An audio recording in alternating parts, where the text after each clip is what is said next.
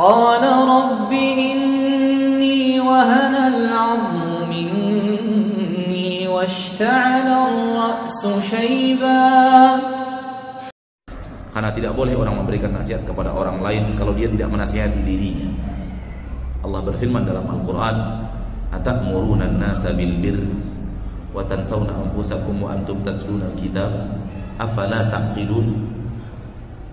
Apakah kalian mengajak manusia untuk kebaikan dan kalian lupakan kebaikan untuk dan kalian lupakan kebaikan itu untuk diri kalian sendiri dan kalian membaca kitab afala taqilun tidak berakalkah kalian kalau memang itu kebaikan yang kalian ajak, kalian yang lebih pertama kali yang penting untuk mendapatkan kebaikan itu. Kalau keburukan yang kalian larang, kalian orang pertama kali yang harusnya lari dari keburukan itu. Maka orang yang menasihati manusia dan tidak menasihati dirinya sendiri hancur.